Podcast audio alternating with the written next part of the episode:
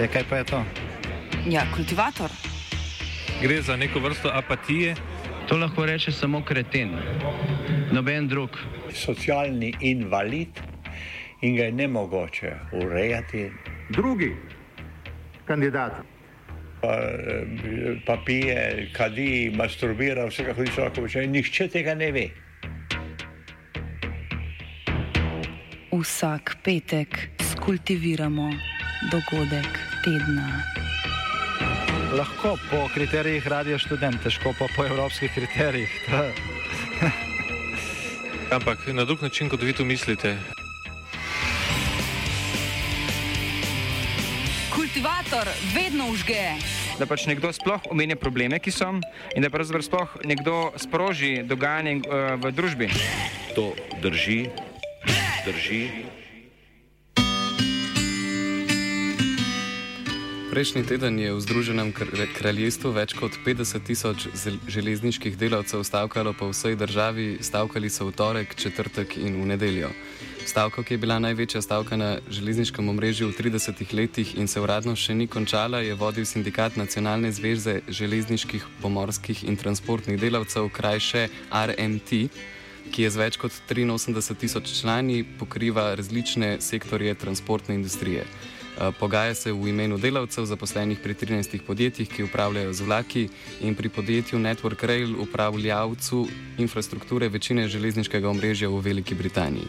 Železnice so bile v Združenem kraljestvu privatizirane v 90-ih, zdaj z omrežjem upravlja več podjetij, ki jih subvencionira država.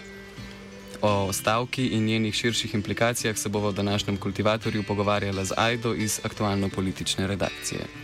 Eh, zdaj pa, ajda, najprej me zanima, kaj je razlog za stavko. Torej, eh, glavna točka konflikta eh, so bile plače. Sindikati so zahtevali, da se plače povišajo sorazmerno z inflacijo, ki je v Veliki Britaniji trenutno nekje na 9%. Torej, življenjski stroški se zaradi inflacije dvigujejo, kar je sedaj znano tudi nam plače železniških delavcev pa se niso povišale že tri leta. Uh, in torej že zahtevo, uh, eh, RMT je zahteval, da se plače povišajo za 7%. Uh, delodajalec pa je potem predlagal povišanje samo za 2 odstotka, uh, potem kasneje bi naj temu, tem dvema odstotkoma sledil še en dodaten odstotek, ampak ta odstotek dodaten so pogojevali z nekimi še spremembami, ki bi pa pomenile potem postopoma tudi odpuščanja. In zdaj, današnji kultivator, uh, sem se z veseljem pogovarjala z enim izmed uh, stakajočih delavcev, z voznikom vlaka, ki je sicer želel ostati anonimen zaradi varnosti. Aktiven je v sindikatu, vodi celo eno izmed podružnic RMT-ja. Um, In za začetek nam bo na kratko predstavil okoliščine, uh, ki so vodile v stavko. Moj job je, da sem train driver in work at Nottingham. And the reason that we're on strike is uh, mainly three things. One, we haven't had a pay rise for three years. Uh, secondly, we are opposed to compulsory redundancies. And thirdly, we want guarantees that there will be no changes to our terms and conditions. Earlier last earlier last week, um, they made a proposal uh, for to settle and, and stop us going on strike. And the proposal was that we would get um, 2% as a pay rise, and that would rise to 3% if we agreed on a lot of changes. Uh, one of those changes was our retirement age would be raised from 62 to 65.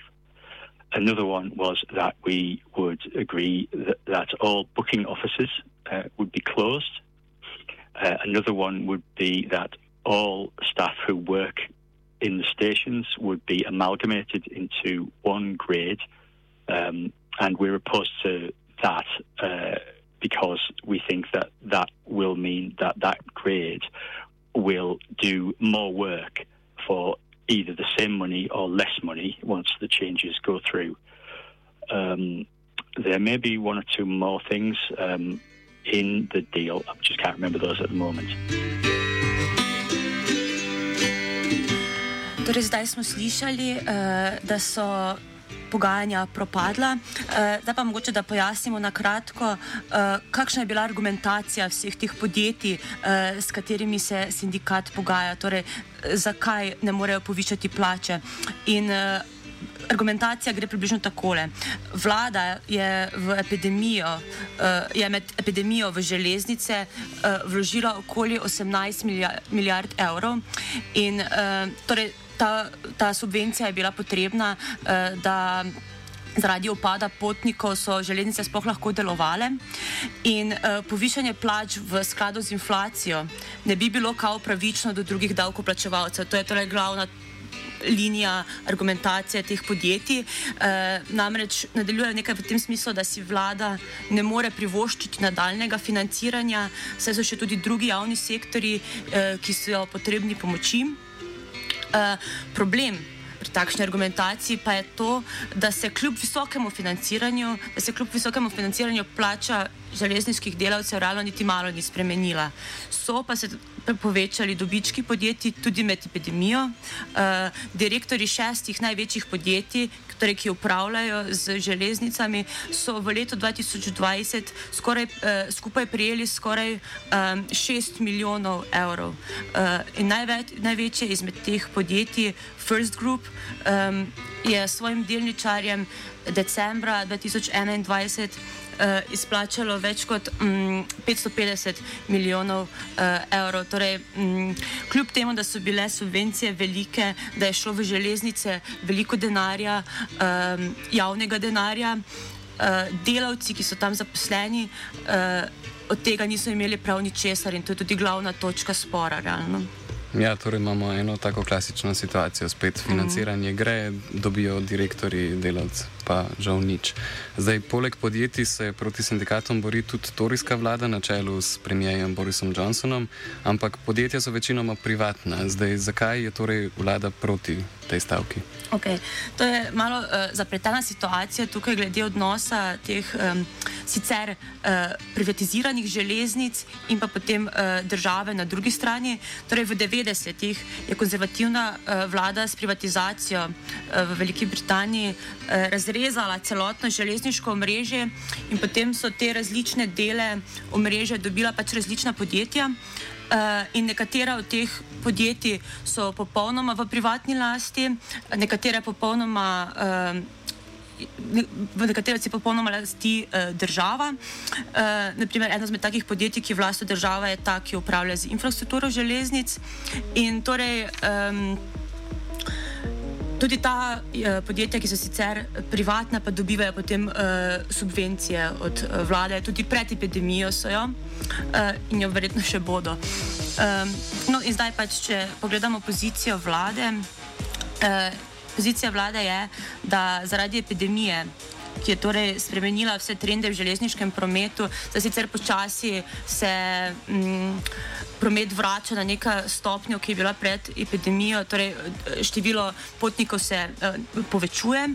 No, in da torej zaradi vseh teh sprememb, zaradi epidemije, je treba železniško mrežo zdaj najprej preoblikovati in modernizirati. Ta modernizacija je njihova uh, pomembna točka. Um, in da, in da je ta modernizacija in preoblikovanje na mestu pred višjimi plačami, in da je, bil, uh, in da je potrebno ta že vložen denar porabiti za to in ne za plače. Uh, sindikati na to pozicijo podjetij in pozicijo vlade izpodbijajo s tem, da je subvencioniranje železnic pač nujno. Um, pos, uh, je bilo in tudi bo uh, v glavnem.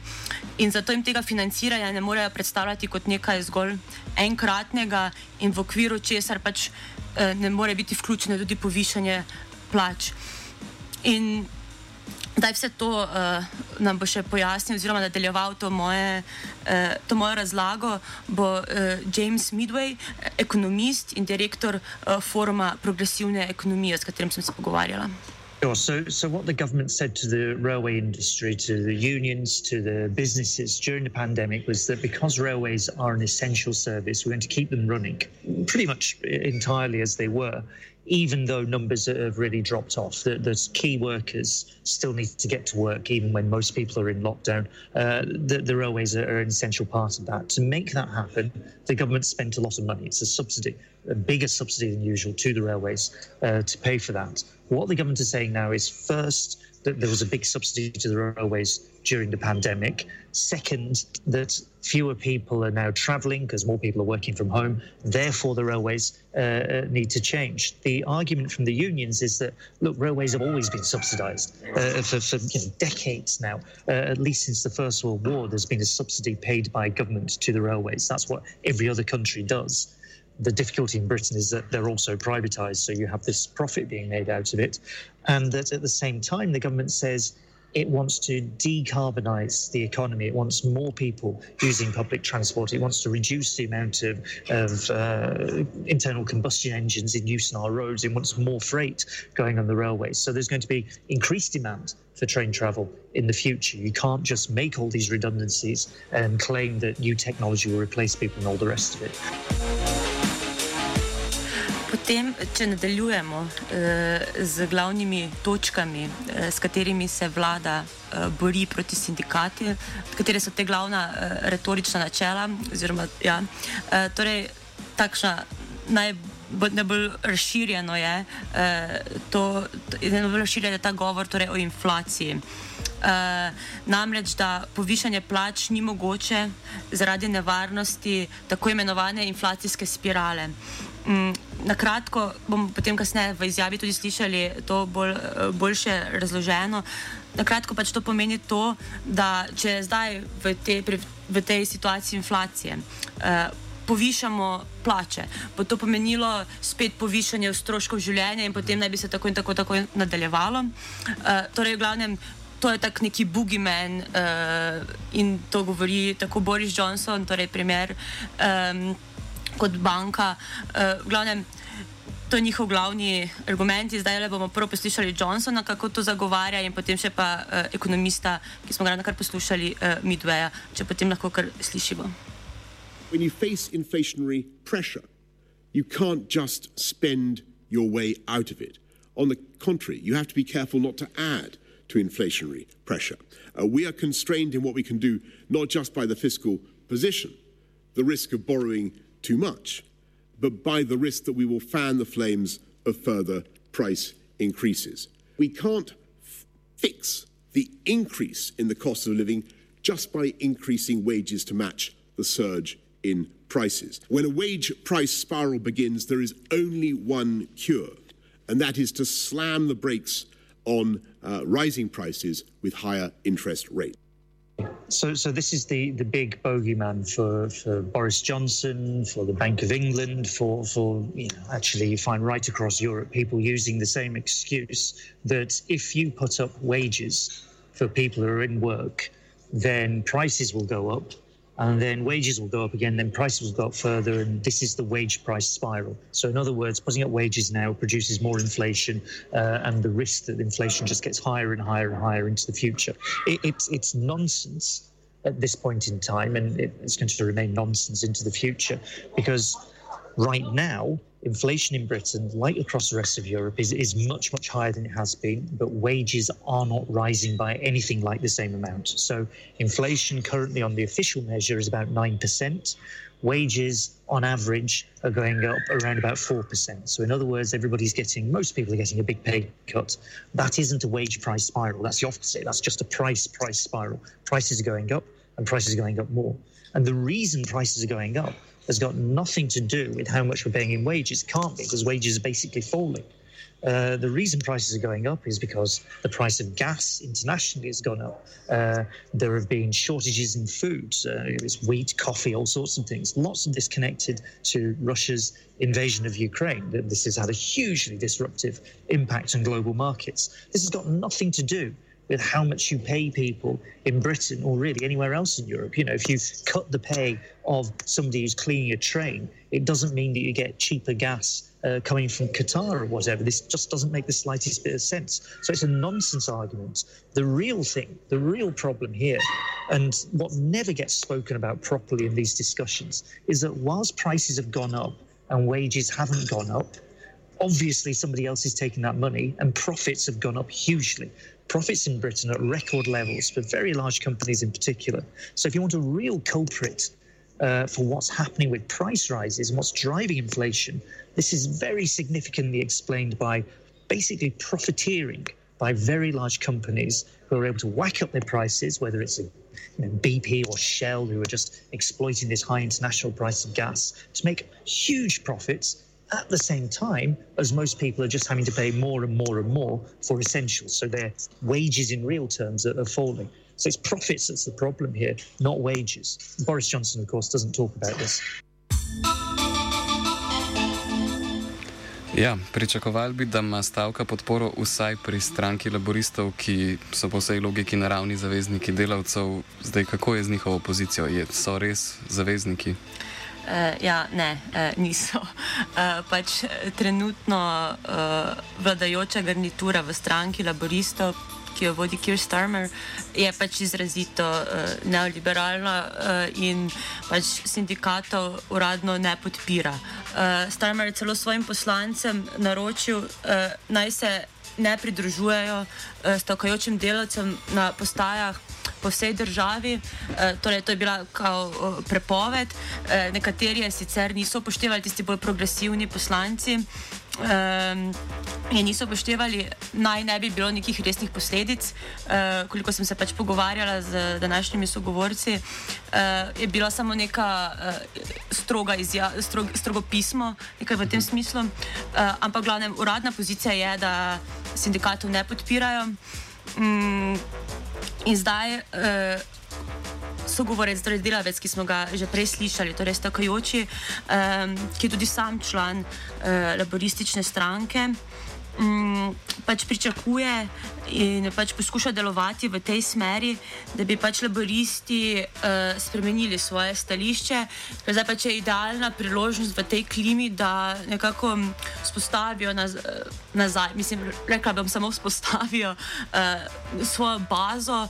Um, In da pač zauzamejo neko trdno stališče, eh, ki ga pač eh, za manj pri njih pričakujemo, vse odkar pač eh, Corbyn, torej Jeremy Corbyn je uh, torej bil odstavljen uh mhm. -huh. iz um, vodenja stranke. No, in zdaj torej, delavec, s katerim smo se pogovarjali, predstavi način, kako bi lahko več sindikati, ki so logično tradicionalno povezani z laboristi, lahko pripomogli temu, uh, da se trenutno neoliberalna drža stranke obrne v prid delavcev. The, the fact that public opinion is strongly on the, the real workers' side. And we've got a cost of living crisis, which everybody in the country is feeling. You put all those things together, um, it's possible that maybe the Labour Party has started to rethink um, what its approach needs to be. Um, me, me personally, I, am I'm a member of the Labour Party. Uh, I'm very active in it. Um, I'd like to see the Labour Party become the party of strikes. That, that would be marvellous. It has an opportunity. I think it has an opportunity to do that in the coming, you know, five six months. And again, to go back a little bit, what needs to happen is that the trade unions that are affiliated to the Labour Party need to use the organisational power that they have because they sit on all of the various committees at all of the various levels, right up to the National Executive Committee of the Labour Party. So they have representation there too. They need to make their voice heard and call out Labour to say, you, you must back us the trade unions will often say, "Oh, you know, we're going to we're going to reduce funding because the unions pay affiliation fees to the Labour Party. We're going to reduce funding to the Labour Party uh, as a punishment for what the Labour Party has just done." Okay, that that's that's a tactic, yeah, it, and it can be used. But there's another. I think there's another even more um, important tactic, and that is the fact that those trade unions all have policies which uh, to get rid of the anti trade union laws. In fact, the Labour Party has policies to get rid of all of the anti trade union laws. It's just that the current leadership defies the will of its own conference and doesn't do anything about getting rid of those anti trade union laws.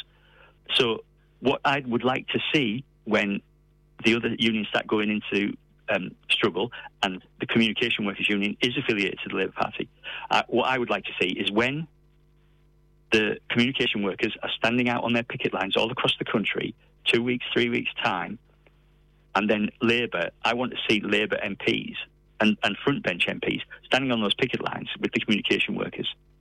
And if they're not, I want the CWU to to start raising a fuss inside the Labour Party about what the Labour Party is doing. Ja, torej se laboristi res morajo očitno spremeniti, mislim, iti nazaj k svojim koreninam in pač stati na, za temi ljudmi, na katerih je pač laboristična stranka tradicionalno zgrajena. In zdaj zaenkrat med sindikati in podjetji ni bilo doseženega nobenega dogovora in sindikat načrtuje nadaljevanje stavke. E, ja, tako je, ampak eh, načeloma točnih eh, planov, eh, kako naj bi nadaljevali, zaenkrat še nimajo. Uh, zdaj, zdaj so v procesu odločanja. Uh, prihodnji teden, uh, tako kot je mi je povedal sogovorec, uh, naj bi bila ta konferenca, kjer se vse podružnice uh, te, glav, tega glavnega sindikata RMT pač bodo dobile in bodo razglabljale in demokratično odločile o tem, kako nadaljevati. Ampak pač. Um, Za nos je in pač načrtujejo nadaljevanje. Um, In zdaj bo eh, torej, naš dogovornik predstavil, eh, je, kakšen je njegov predlog, uh, kakšen je predlog njegove podružnice, ki ga bodo predstavili na konferenci. In on se pač zauzema za zelo tak, trden pristop, uh, torej neizprosen, uh, podaljševanje in povečanje stavke. So, um, it just so happens that this week, no, next week, it is the annual general meeting of our trade union, the RNT, which is the union that's on strike at the moment. So what's happening now and what I'm doing now, and I imagine lots of other people are doing now, is feverishly writing emergency motions to that conference. Having experienced the strikes last week, we'll be using that experience and our knowledge of previous disputes um, to kind of instruct. Well, we'll be we'll be sending suggestions, and people will then argue various points about what what they want to do. So um, my my suggestion, um, and this may not this may not happen because people might have different ideas and they get voted on, they get voted for, and mine gets voted against. But my suggestion and my branch um, of the union, uh, our suggestion, is that um, we do um, another strike uh, like we did the week before, three days. But what we do is we, in, in last week during the strike, we um, had Network Rail workers. Uh, remember, they're the, they're the people who um, maintain the track, uh, fix things when they go wrong on the track, and also um, it's the signallers as well. They're the people who tell the trains to stop and go and to route them correctly so they get to their destinations. That's Network Rail. And then I um, work for um, a, a, train operating company. And so we're the people who are the, the staff on the train, the, the, the guards, the drivers, um, the, the platform staff, the, the booking office staff. So our plan, or at least my branches, what my branch would like to see happen, is that uh, with our next action, which we think should follow. Um, we think we would like it to start on the um, 18th of July, which is a Monday. We would like the Network Rail staff to go on strike. And then on the Tuesday, we'd like the train operating company staff to go on strike. The day after that, we want the Network Rail staff to go on strike. After that, the train operating companies. The day after that, the Network Rail. And the day after that, the train operating companies again. So it would be six days of strike. What we're proposing is that we split up um, the, the, those workers with the Network Rail and the train operating company so that we get six days of strike action. And that has uh, two benefits, I think, two main benefits. One is that um, because we, we picked a specific date for it to start on, that was the 18th of July. The reason we picked that date is because we will get, when we get paid next time, we will lose three days of money because we took three days of strike action. Uh, that period in which we get paid finishes on Saturday, the 16th of July. So the new action that we want to call is immediately after that on the 18th of July. And so what that does is it it lessens the burden on people who are losing those three days of pay. And if, if we struck before the 18th of July, then people would lose three plus however many days we struck.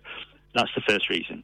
Um, the second reason is uh, the, the strikes have given um, a, an enormous boost, I think, to the labour movement in general in the UK. And that was with three days of strike action. What we would like, when if our proposal is acceptable, um, we would like the headlines to say uh, RMT plans six days of strike action, and we hope that that will really energise um, the movement, uh, the labour movement here in the UK.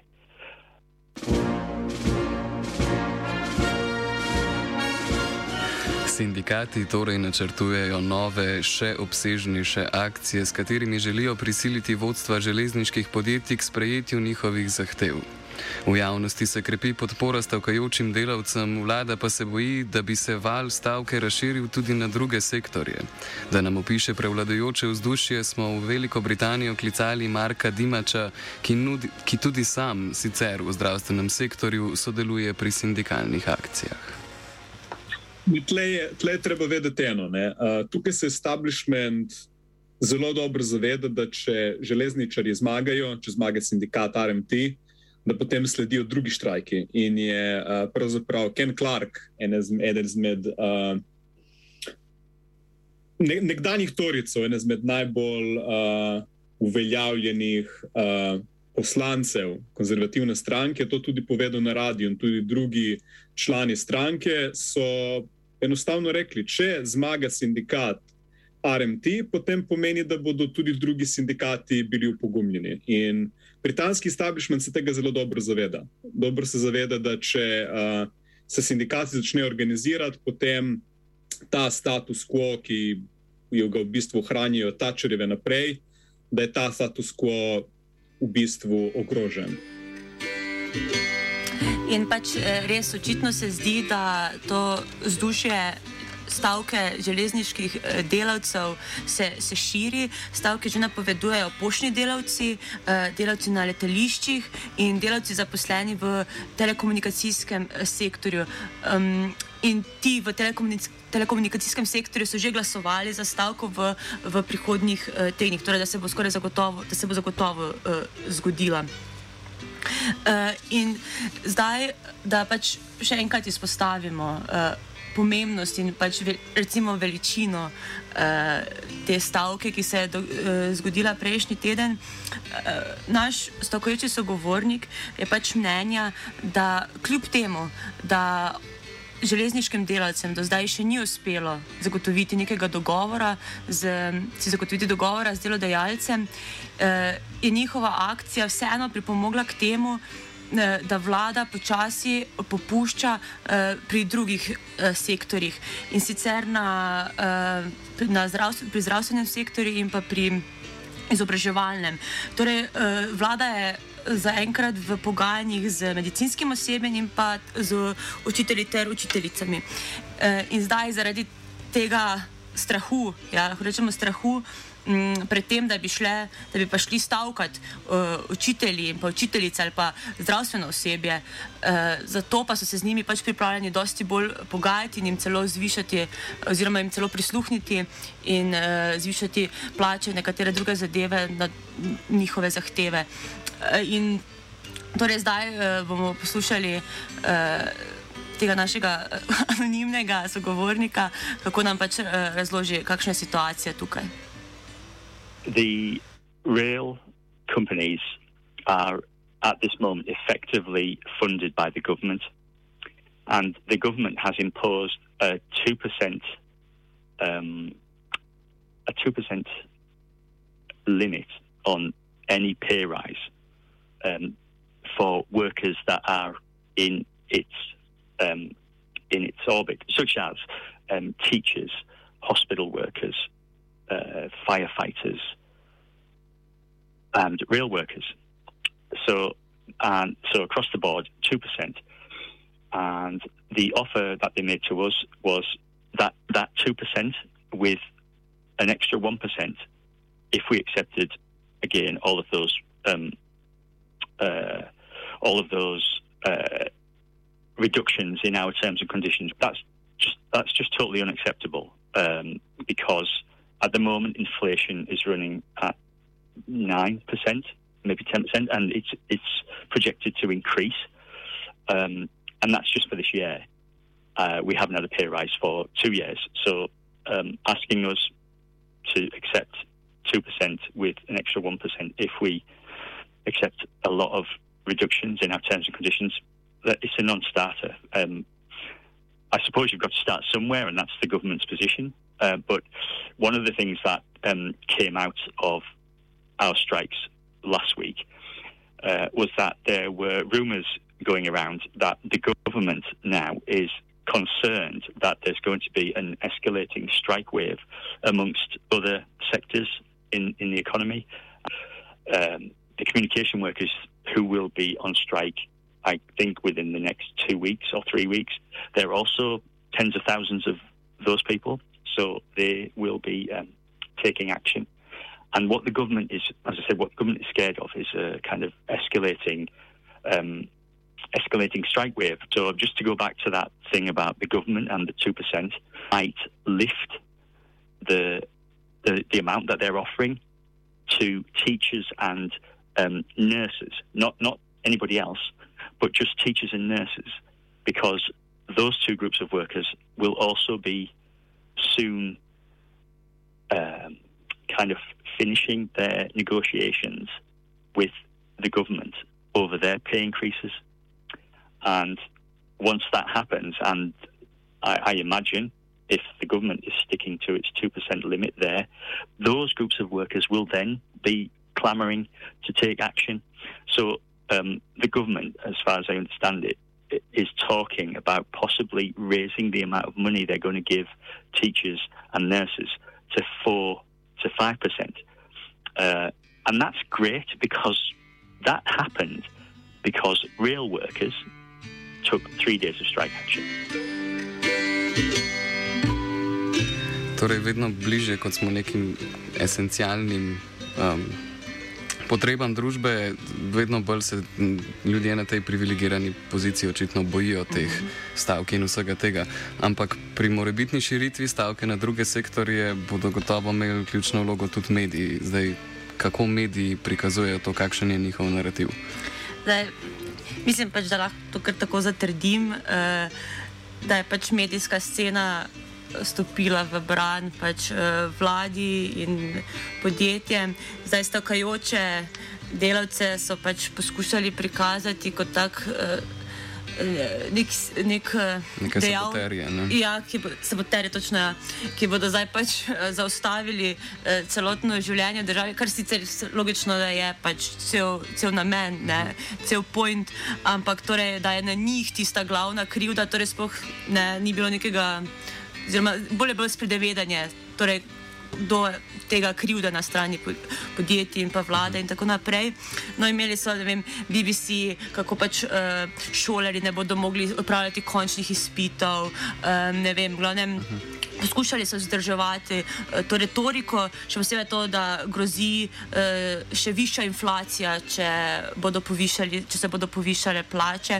In v vsej tej eh, medijski goniji, goniji je pač eh, Mike Lynch, eh, generalni sekretar sindikata, je spadal pač zelo, realno kot ikona. Eh, zdaj so po, po vsem internetu pač eh, videi o tem, kako v različnih oddajah, v različnih talk-showih eh, uspešno predstavi uh, njihove torej, uh, sindikalne zahteve, uh, uspešno argumentira in se zoprstavlja nekim brezveznim argumentom uh, vlade. vlade in pa predvsem torijskih, uh, torijskih poslancev. In zdaj, no, če mogoče nam malo nekdo, pač, ki živi v, v Britaniji, Dimač nam bo zdaj eh, pomagal pač razumeti, komu so mediji v Britaniji resnično naklonjeni. Ja, mediji v Veliki Britaniji, če mi mislimo, da so recimo naši mediji v Sloveniji, to sem jaz dolgo časa mislil, dokler sem se v bistvu preselil v Veliko Britanijo, da so naši mediji pač pro-establishment in tako dalje. Uh, Potem, ko nekdo pride sem in pogleda Daily Mail, The Sun, The Telegraph, tudi BBC. BBC je uh, pravzaprav praktično že državna propaganda tukaj. Ne? In so si ga torici že davno, davno podredili. Ne? To je na vse zadnje tisto, kar je Janša želel storiti uh, v svojem prejšnjem mandatu. In zato se v bistvu ko pogledamo, kako uh, mediji predstavljajo ta štrajk, da to je povratek v 70-ta leta, da uh, vsi vemo, da so tle 70-ta leta uh, strani medijev bila prikazana kot uh, sindikati, hočejo ustaviti državo, hočejo uh, spreobrniti nek red, na katerega smo navajeni. In zdaj se v bistvu te podobe vlečejo ven iz naftalina. Uh, o, rudarskih štrajkih, o vseh teh konfrontacijah, ki so se takrat zgodile. In nekdo je v bistvu pri nekem šovu, ki sem ga prej poslušal, političnem, omenil, da to v bistvu pri določenih ljudi, ljudeh bo povzročilo totalno nasprotno reakcijo, ker se bodo spomnili, kako so jih takrat zatrli. In se zna zgoditi, da bo to pravzaprav pomagalo k temu, da se prevesi mnenje v, v, v prid štrajkom uh, eh, RMT-ja. In to se tudi kaže. Mislim, da se je na začetku štrajka bila podpora približno 45-odstotna, zdaj govorimo že o 55 in čez. Ne. Ja, zdaj javno mnenje se počasi obrača v prid stavkajočim, torijska vlada pa očitno ni pripravljena stopiti koraka nazaj in popuščati. Um, napovedujejo, da bojo ukinili prepoved, ki je bila v zakonjena leta 2004 in podjetjem ta prepoved prepoveduje, da bi stavkajoče delavce nadomestili začasno najetimi neprofesionalnimi delavci. Zdaj, ja, zdaj, e, dva, s katerimi, torej, nekateri so mnenja, da je to zgolj blef, da je to, gre, da je to pretirana, pretirana poteza. Namreč tudi agencije, ki ponujajo najem takšnih delavcev, niso zato, da se bi tak zakon spremenil. Namreč, kolikor sem pač razumela, nočejo izpasti kot nasprotniki sindikalnega, uh mhm. -huh. sindikalnega gibanja. Vendar eh, ta grožnja, torej to ni edina, edini ukrep, ki ga vlada pripravlja. Eh, v rokavu imajo še enega eh, in to bo pa zdaj predstavil eh, ta eh, stakajoči delavec. In law, right now, there is a, you can go on a government website and it says it in plain black and white. Um, companies are not allowed to employ agency staff to cover the duties of staff that are striking, and the government wants to um, change that law. They're also, and this, this, they've had this idea in the back of their minds for a couple of years, and they, they may be bringing this forward too, and that is the idea of a minimum service requirement, which means when we go on strike, we will have to guarantee that uh, let's say 50% of the services run. Otherwise, our strike will be deemed illegal. In that case, you can see what effect that would have on um, on, on on the uh, on the effectiveness of the strike. I mean, it would drastically reduce it, and it would, I think, really demoralise the pe- uh, workers because they would some of them would be going into work while others would be standing outside on a picket line, and that would be um, quite divisive. So um, we really will have to um, push back against all of that, um, th- those two, um, those two laws. Tudi, eh, pa če ta nova zakonodaja, s katero zdaj grozijo in želijo pač oslabiti sindikate, če ta nova zakonodaja ne bo sprejeta, pa ostaja dejstvo, da je tudi trenutna zakonodaja na tem področju izjemno restriktivna in pač tukaj, to je glavna zapoščina, ena izmed glavnih zapoščin Margaret Thatcher uh, in zdaj bom to raje prepustila Dimaču, ki se pač s tem ukvarja, da pojasni zadevo. Tukaj uh, gremo nazaj v 80-ta leta, ko je Tečerjeva brutalno zatrla rudarje in je potem hotela s tem omejiti delovanje sindikatov. Uh, tle je zakonodaja zelo striktna, sindikati so stalno pod uh, nadzorom, glede financ, glede razno raznih uh, zakonskih omejitev, glede štrajkov. Naprimer, uh, če ti želiš uh, razglasiti štrajk, imaš čisto neko časovnico, ki v bistvu daje delodajalcu čas, da se za, za to pripravi.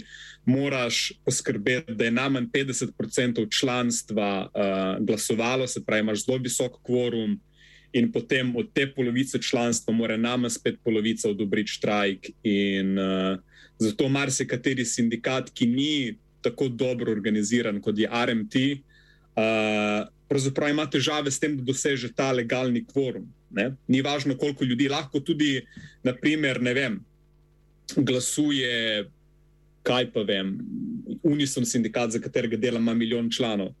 Lahko glasuje tudi, ne vem, 400 tisoč, 400 tisoč članov, ampak če ne glasuje več kot polovica, in tudi če je tisto ogromno število delavcev pripravljeno na štrajk, če ni polovica tistih, ki so bili povprašani o, o štrajku, če ne glasujejo za, to potem pomeni, da, da štrajk ni legalen. Ne?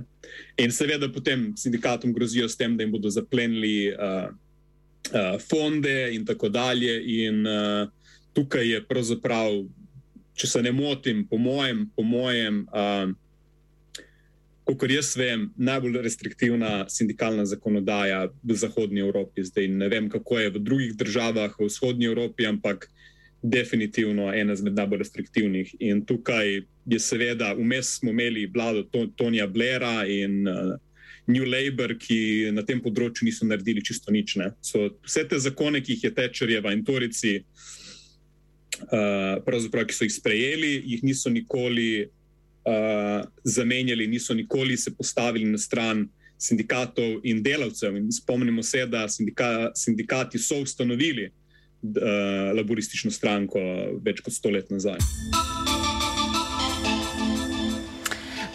Ne glede na vse grožnje, ki prihajajo iz strani vladajočih, ne glede na to, s čim grozijo, pa vseeno se pa zdi, da stavka prejšnji teden in pa vse napovedane stavke, tako skoraj da vlivajo upanje, ki, ki ga pač prevečina od nas spoh ni upala imeti, če se za malo moče uh, patetično. Ampak glavnem res je, no, pokazalo se je, da uh, množična organizacija delavcev uh, in dober nastop njihovih predstavnikov v javnosti uh, je vsaj deloma uspelo prevrtiti nekako to. Uh, pasivno družbeno sceno. Uh, in tako zdaj za na konec bi. Um, Mogoče lahko poslušali eh, našega sogovornika, ki je pač zelo vneseno prepričan, da, da so v vseh teh sindikalnih akcijah, da je vseeno potencial za, za neke spremembe in pač eh, pričakuje neko eh, burno dogajanje tudi v nadaljevanju.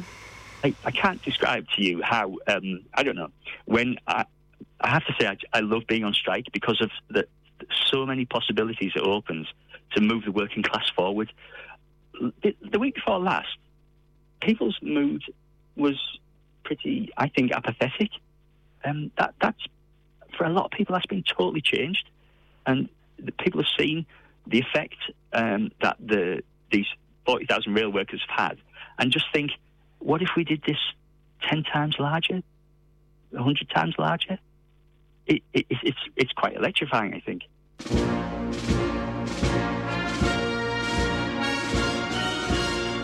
V današnjem kultivatorju sva se o stavkajoči Veliki Britaniji z veseljem pogovarjala Aida in Klemen.